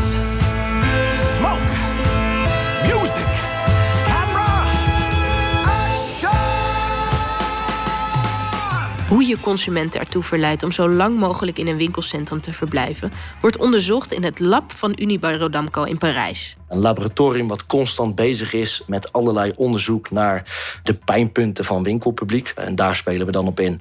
Een van die pijnpunten is dat mensen het te druk vinden in de binnensteden. Die stressvolle omgeving waar we vaak in moeten winkelen, dat is iets wat veel mensen weghoudt van de winkelstraat momenteel.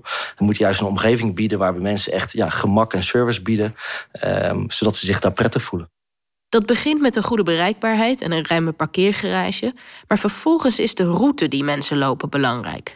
Uh, het achtje is toch wel een, een vorm die uh, ja, een bewezen concept is, waarbij je een gezonde doorbloeding van het winkelcentrum krijgt, zonder echt dat IKEA-gevoel te krijgen dat je het gevoel hebt dat je een bepaalde kant op gedwongen wordt. Dus uh, het stelt de consument nog steeds in staat om keuzes te maken, maar eigenlijk zonder dat hij doorhebt, loopt hij wel een bepaalde routing. Maar ook tijdens dat achtje mag het geen moment saai worden voor de winkelende mens. Dat doe je uiteraard door het juist positioneren van winkels. Maar je wilt ook met je interieurontwerp uh, enigszins nadenken dat er ja, verschillende gebieden ontstaan. Uh, waarbij de consument uh, ook daar een unieke ervaring willen geven. In gedachten dachten we, we gaan eerst een soort groene berg maken. Van echt groen. En de kolommen die het dak dragen, daar hebben we een soort houten bekleding gemaakt. En die plooit als het ware onder dat dak door en begint bij die kolommen. Dus je hebt echt het gevoel dat je daaronder in een bos wat gaat eten. Belangrijk is ook de muziek. Dat moet ook weer muziek zijn die niet de boventoon voert. Het moet gewoon ontspannen muziek zijn. Dus om mensen weer die stressloze omgeving te geven, dat is belangrijk. Muziek in de parkeergarage is cruciaal. Dus dat als je uit de auto stapt, dan begint die winkelervaring al. En weet je ook welke dat is? Nee, nee dat zou ik eerlijk gezegd niet weten relaxte muziek. Maar ja, dat verschilt natuurlijk ook per persoon wat je relaxed vindt. Ja, nee, dat, dat is ook zo. Dat, ik, ik weet dat het in, in ons winkelcentrum in Amstelveen... Uh, daar hebben we dat soort muziek hebben we al hangen. Dus uh, ga gerust daar eens luisteren om, uh, om daarachter te komen. Ik ben inderdaad even gaan luisteren in Amstelveen. En dat klonk ongeveer zo. Licht klassiek zou ik het noemen. Niet te vrolijk, niet te droevig. Niet zeggend dus eigenlijk. Maar een van de belangrijkste troeven om de winkelende mens zo lang mogelijk in het winkelcentrum te houden is het toilet. Onze toiletten in het nieuwe winkelcentrum die worden echt vormgegeven op zeer hoog niveau. Er wordt enorm veel geld in geïnvesteerd. Het is gewoon heel belangrijk dat je die consument die service biedt, omdat dat vaak een reden is voor mensen om naar huis te gaan. Dus uh, in Nederland hebben we winkelcentra waar mensen naar het toilet moeten. Ze vinden de toiletten zo verschrikkelijk dat ze eerder naar huis gaan en dus minder spenderen in het winkelcentrum, omdat ze thuis naar het toilet willen. Nou, die toiletten die wij gaan bouwen, dat zijn echt fantastisch mooi vormgegeven toiletten. Uh, en daardoor een cruciaal onderdeel van het, uh, van het ontwerp. Het zijn geen wit betegelde ruimtes, uh, hokjes. Gewoon super clean, maar ook echt heel mooi vormgegeven. Ook dat is zeg maar een soort belevenis. Nu een plantenbak en een gezellig bankje niet meer genoeg zijn voor de winkelende mens, is dit dan de toekomst? Een dagje uit naar een van de grote malls buiten de stad. Een beetje shoppen in een overdekt dorp. Een hapje en een drankje in een nagebouwde jungle. Een plasje in een chique wc en dan naar Cirque du Soleil? Je hebt natuurlijk de karakteristieke winkelstraten. Zoals wij hier in Amsterdam hebben we de negen straatjes. Dit is complementair. Het is eigenlijk op een heel ander schaalniveau. Dus dat zijn twee werelden die naast elkaar kunnen bestaan. Ik denk dat er veel minder winkelcentra zullen komen, maar betere winkelcentra. Enkele grote winkelcentra zoals wij uh, momenteel aan het doen zijn. Maar met name in de kleinere plaatsen waar toch wat grotere winkelcentra liggen... Ja, daar, zullen, daar zullen helaas wat klappen gaan ontstaan, denk ik. Je kunt het één keer uh, doen. Uh, het moet nog maar kijken of het, of het slaagt. je zult daar dus toch de consumenten vanuit Arnhem en Zwolle ook moeten aantrekken. Die moeten ook allemaal verleid worden om daar naartoe te gaan. Als ze de ruimte genoeg hebben, laat André Rieu maar komen. En zo, kijk dat. Kijk. Dat trekt in ieder geval. Ongesigneerd was dat, een podcastserie van uh, Tjitske Mussen en Laura Stek. Kijk voor meer afleveringen op de interactieve stadsplatgrond via www.vpro.nl slash ongesigneerd. Of abonneer je via iTunes of Stitcher bijvoorbeeld om automatisch een uh, wekelijkse update te krijgen.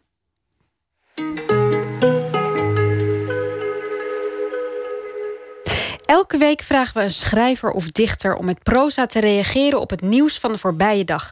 Deze week wordt dat verzorgd door Mounir Samuel. Hij is politicoloog, opiniemaker, publicist en auteur van Egyptisch-Nederlandse afkomst.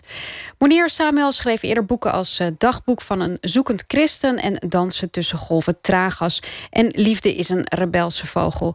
Goedenacht, Mounir. Goedenacht. Hoe, uh, ik, ik, vroeg me af op welk uh, nieuws jouw oog viel vandaag. Ik uh, heb me vandaag eens een beetje bezig gehouden met de brexit. Ik moet eerlijk zeggen dat ik dat nieuws altijd een beetje vermijd. Wat heel onverstandig is gezien onze gezamenlijke financiële en politieke toekomst ervan afhing. Dus ik dacht, nou, je moet er toch een keer aan geloven. Ga je eens verdiepen in die Theresa May en gekke, die gekke Britten. Er is ook heel veel Brexit-nieuws, altijd. Dus ja, is, het is ja, je altijd een, een goed moment om in te stappen. En het blijft erg abstract. Uh, maar het wordt nu langzaam concreter. Want Theresa May begint duidelijk te maken wat de implicaties zijn voor EU-burgers. En dat, uh, ja, dat triggerde bij mij wel een column. Nou, laat horen. Langzaam beginnen de contouren zich te vormen van de implicaties van de brexit.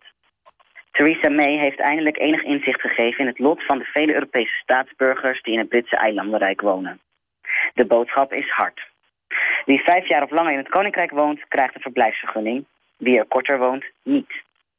Mocht de EU niet instorten, dan toch wel het Schengen-verdrag. Vrij verkeer van handel en goederen?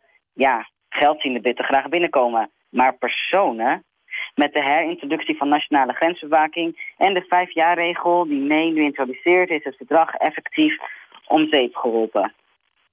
Zelf vindt May haar voorstel eerlijk en genereus en zou het voorkomen dat gezinnen uit elkaar worden gescheurd. Niet door gezinnen te herenigen, maar door de woonachtige EU-burger in het Koninkrijk naar huis terug te laten keren. Ja, dat is ook een manier natuurlijk. Ik ben benieuwd wat mee met de vluchtelingen van plan is. Allemaal op een boot zetten richting het Europees vasteland? Of een enkeltje naar Turkije? Met prijsstunters als EasyJet moet dat toch een peulenschil zijn. Want dat moet je de nageven. Ze zijn er een kei in tot de bodem door te onderhandelen. Dat zal May dus ook met Europa doen. EU-president Tusk mag zeggen dat De zaken voor de Britten nog moeilijker zal maken, maar feit is, Britannia rules the waves. Net zoals met Thatcher destijds is nu May aan zet en al die Europese mannelijke regeringsleiders maar kijken en op hun nagels bijten. Bidden dat zij straks nog wel welkom zijn in God's own country. Dat altijd gedaan heeft waar het zelf zin in had. Brits hooliganisme noemen we dat. Dat, uh, maak jij je daar eigenlijk zorgen om, Monier? Nou, kijk, als je ziet wat er wereldwijd verdampt is... en met name op de Europese handelsbeurzen aan miljarden euro's... Kijk, weg is wel weg. Het is allemaal heel abstract. Maar feitelijk heeft het grote implicaties. Maar waar ik mij vooral bang voor over maak en bezorgd om ben... is de politieke teneur. Namelijk dat we steeds eenkennig geworden. Steeds meer eigen land eerst. Trump is daar de ultieme belichaming van. En eigen land eerst wordt erg fascistisch ingevuld. Zelfs zo dat blijkbaar een Fransman of een Nederlander al niet meer welkom is in Groot-Brittannië. En dan vraag ik me af uh, wat ze gaan doen met al hun etnische minderheden en vluchtelingen. En dit is iets wat in Groot-Brittannië heel duidelijk speelt. Maar laten we eerlijk zijn, wij hebben in Nederland er ook een handje aan steeds eenkenniger te worden en een steeds inhumaner uh, asielbeleid te voeren. Ik las gisteren nog een rapport van Human Rights, Human Rights Watch over het Nederlandse asielbeleid. Dus ja, ik maak mij wel zorgen over die, die, die tendens dat van het denken in de buitenlander en de, de verheerlijking van xenofobie. Ja, dat, dat, kan ik me, dat kan ik me goed voorstellen. Het, het, is natuurlijk ook wel. Het, het gaat niet zo goed met Brexit. Het gaat ook niet zo goed met Trump. Dus misschien dat mensen daar dan toch ook wel. Nou ja, iets minder populistisch van worden? nou ja, uh, kijk, populisme zal zichzelf altijd in het graf helpen omdat het onderdacht is. Dat merk je ook bij mee. Afgezien van dat ze dit nu heeft duidelijk gemaakt, is er voor de rest nog helemaal niks duidelijk over die hele brexit. En uh, gevraagd naar de brexit zijn ook verschillende EU-leiders van, er is geen plan. En ik, ik geloof dat er geen concreet plan is. Omdat de Britten zelf ook niet kunnen overzien wat de, wat de implicaties zijn van wat ze nu allemaal roepen. Um, dus ja, populisme zal nooit lang regeren, maar de, de gedachtegang dat, dat de buitenlanden en de vreemdelingen een probleem is en dat die weg moet, zie je overal. Je ziet nationalistische bewegingen opkomen van Turkije en Egypte tot Rusland, de Verenigde Staten en alles ertussenin. Uh, en dat lijkt mij toch een stuk eh, bestendiger dan, uh, dan Brexit of, of Trumpiaanse uh. Ja, en jij wilt dat blijven benoemen? Ja, zeker weten. Ik bedoel, uh, ik woon op dit moment uh, in een land dat, dat al moeite heeft met twee nationaliteiten. Ik ben zo iemand met twee nationaliteiten. En um, ik sprak vanavond een koppel uh, waarvan een van de twee op het punt staat door de IND te worden gedeporteerd. En dat betreft een witte Joods-Amerikaanse. We zitten echt in, in rare tijden wat dat betreft. Um, ik, ik, je, je denkt misschien ik heb het juiste paspoort, maar alles is betrekkelijk. Ja, dat is zeker waar. Um, ik wil je desalniettemin een goed uh, weekend wensen... en uh, je bedanken voor je bijdrage van de afgelopen week. Meneer Samuel. Yes, graag gedaan. Nog geen vijf jaar geleden leed de Britse singer-songwriter Rhodes nog zo aan plankenkoorts... dat hij nog voor geen twintig mensen durfde op te treden. Inmiddels bespeelt hij de podia en werkt hij aan zijn tweede album. Hiervan heeft hij alvast dit nummer uitgebracht. Sleep is a Rose.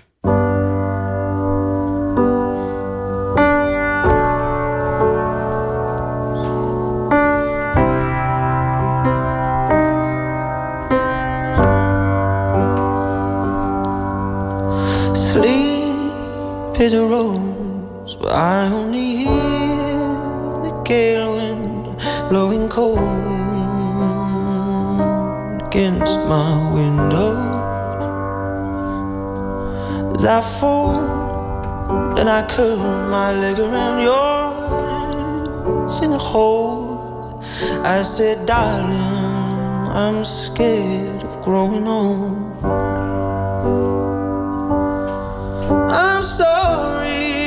I'm loud.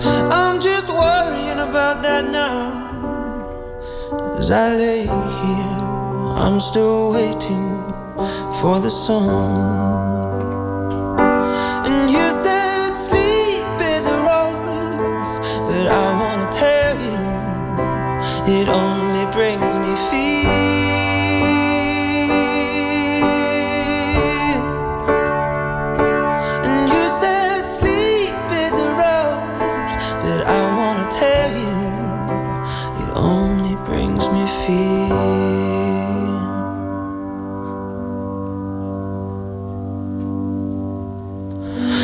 Started to listen to every little sound. And so, how am I supposed to forget silence? I fold and I curl my old hand around yours in a hole, you said, My love, I'll take you to the fairground.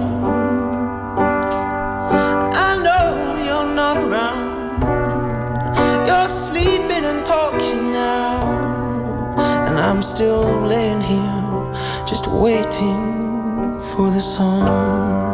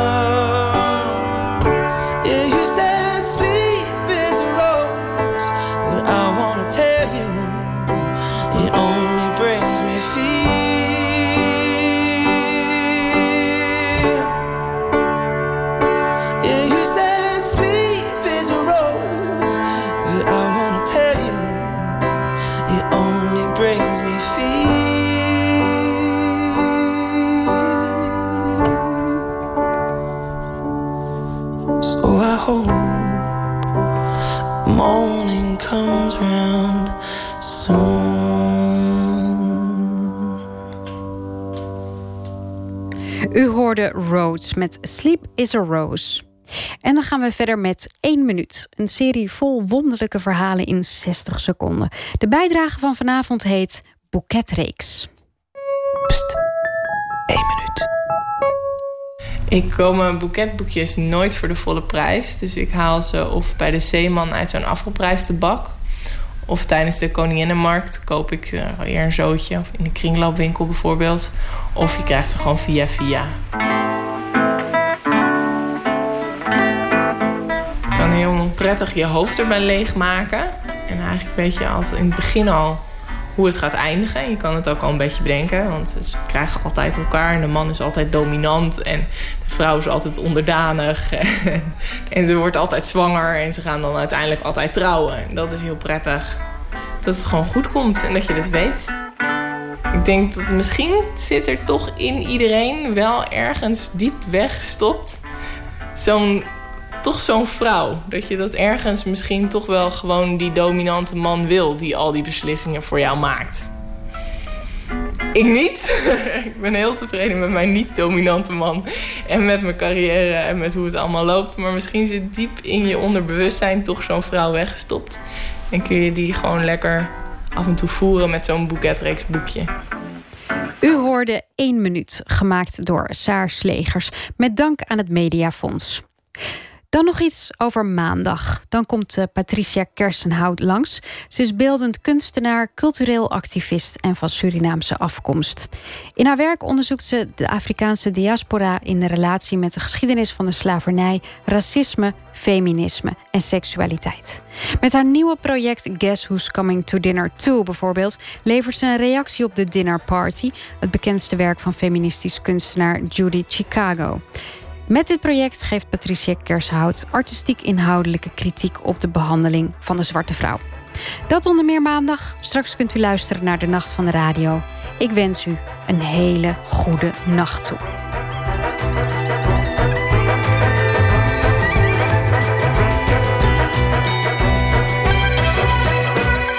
Op Radio 1, het nieuws van alle kanten.